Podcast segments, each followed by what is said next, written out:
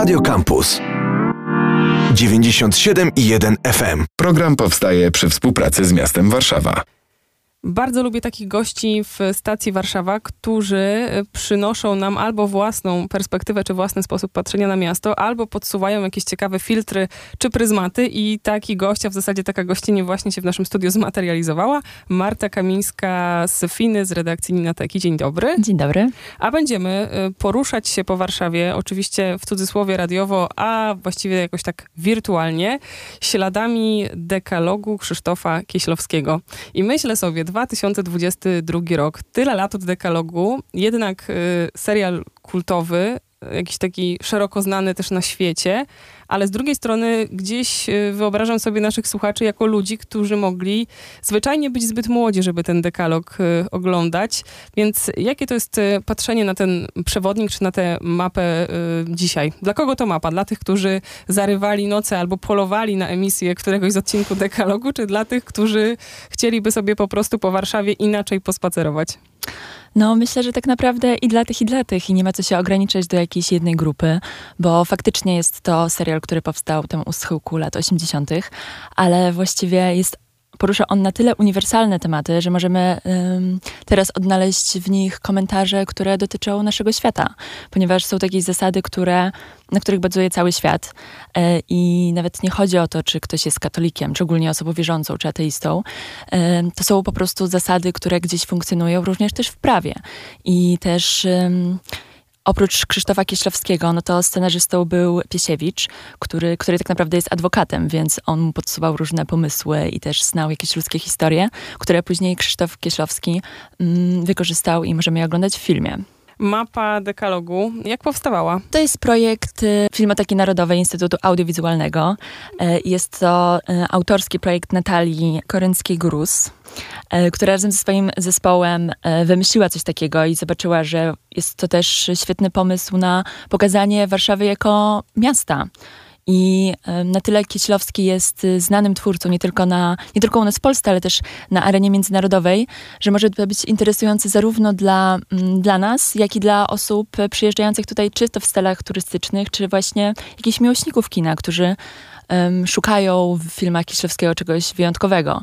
A też warto powiedzieć, że jest y, na świecie jest jakiś taki trend, który pokazuje przestrzenie czy miasta właśnie śladami twórców.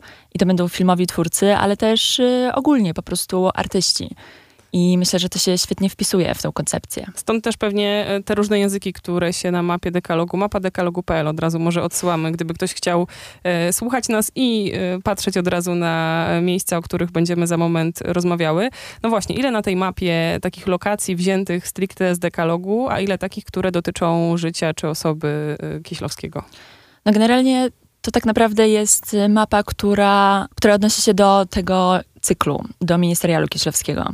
I tak to jest właśnie świetne, że to jest przetłumaczone na, na pięć języków, e, włącznie z polskim. Więc stanowi to mm, jakiś taki może szlak, którym można podążać i są tam miejsca, które też się powtarzają w niektórych e, odcinkach, bo tak naprawdę to, co co jest też niezwykłe właściwie w, w dekalogu, e, to to, że mamy portret e, ludzi mieszkających na jednym osiedlu i to jest e, osiedle przy ulicy Dzikiej, więc w każdym odcinku możemy zarówno dostrzegać ich jako, jako osobne postacie, ale też jako jakąś taką grupę Polaków, którzy, którzy żyli właśnie w tamtych czasach i jest to też zakorzenione w historii polityczno-społecznej Polski.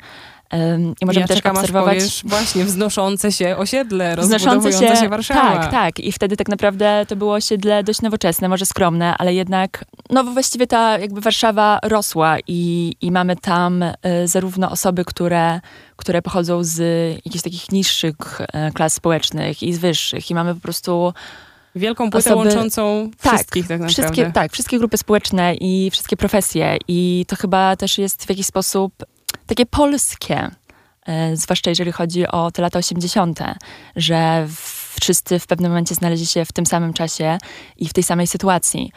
E, I te losy e, czasami się krzyżują, czasami łączą, a czasami komentują nawzajem. I też właściwie patrząc na, na kino zagraniczne, to taka koncepcja pojawia się też w wielu filmach. I nawet mogę powiedzieć tutaj o chociażby, nie wiem, to właśnie miłość, czy takie totalnie hity, gdzie bohaterowie w jakiś sposób są połączeni, ale nie zawsze tą samą historią. I ich losy mogą się przeplatać tak bardzo w, w taki delikatny, delikatny sposób. I tu też e, właśnie mamy u Kieślowskiego. Podrzuć jeszcze kilka adresów. Zastanawiam się, czy bohaterowie dekalogu bywają poza tymi osiedlami wspomnianymi również w takich miejscach centralnych, nie wiem, prestiżowych albo super znanych w Warszawie. Tak, oczywiście. Jakby mamy tam um, mnóstwo miejsc, które, które są znane nie tylko warszawiakom, jak Pałac Kultury i Nauki, czy, czy Plac Trzech Krzyży, który, który właśnie możemy zobaczyć w dekalogu numer dwa. E, ale też są takie mniej znane, y, lokalne miejsca, jak właśnie Gocławek. I jeziorko. Y, jeziorko, tak. Jeziorko to właśnie możemy zobaczyć właściwie w dekalogu numer jeden.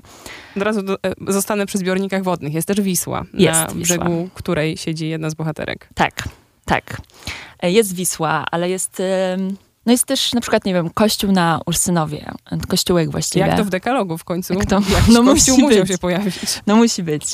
E, Ale mm, też chciałabym e, troszeczkę odejść od tylko i wyłącznie takiego patrzenia na dekalog jak na, jak na właśnie takie zasady stricte, tradycyjnie pojmowane religijnie, ponieważ chyba uniwersalność tego jest tak silna e, i tak bardzo odbiła się echem na świecie, że można to właśnie patrz, jakby można na to spojrzeć w szerszym kontekście e, i też wszystkie te historie, mimo tego, że wiemy, że to jest dekalog i wiemy, że każdy, każdy odcinek e, odnosi się do konkretnej, no konkretnego Przekazania. zdania, przekazania, to to jest, bardzo, to jest przedstawione w bardzo delikatny sposób Tak, i ja- często właściwie nie mhm. pada to, tylko możemy szukać i możemy włas- jakby interpretować to przez własne doświadczenia, e, czy po prostu tak filtrować przez siebie i przez swoje poglądy i przez takie bycie człowiekiem. To też chciałam podkreślić, że rzeczywiście to nigdy nie jest podane wprost i Tak. często trzeba się zastanawiać i szukać tego jednego z dziesięciu w tym przypadku przykazań, które do e, odcinka przez nas aktualnie oglądanego będą e, pasowały. Czy Krzysztof Kieślowski miał swoje ulubione miejsca takie lokacyjne w Warszawie? Można powiedzieć, że gdzieś e, bywał z kamerą wyjątkowo często? Coś się powtarza na tej mapie poza inflancką? Generalnie te przestrzenie się powtarzają przede wszystkim dlatego, e, że są to jakieś bardzo symboliczne e, momentami e, miejsca, czyli właśnie jak Pałac Kultury i Nauki. Czy też trzeba jednak oczywiście pamiętać, że jest to film, więc w jakiś sposób też ta przestrzeń jest gospodarowana przez ujęcia, przez pracę kamery, przez historię danych bohaterów.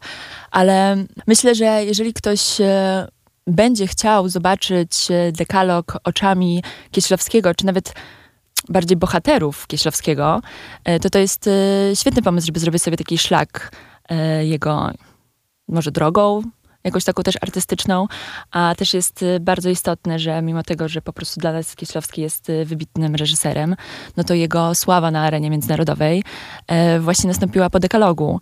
I też trzeba wspomnieć, że dekalog e, piąty i szósty doczekał się realizacji jakby pełnometrażowego filmu i to jest krótki film o zabijaniu i krótki film o miłości.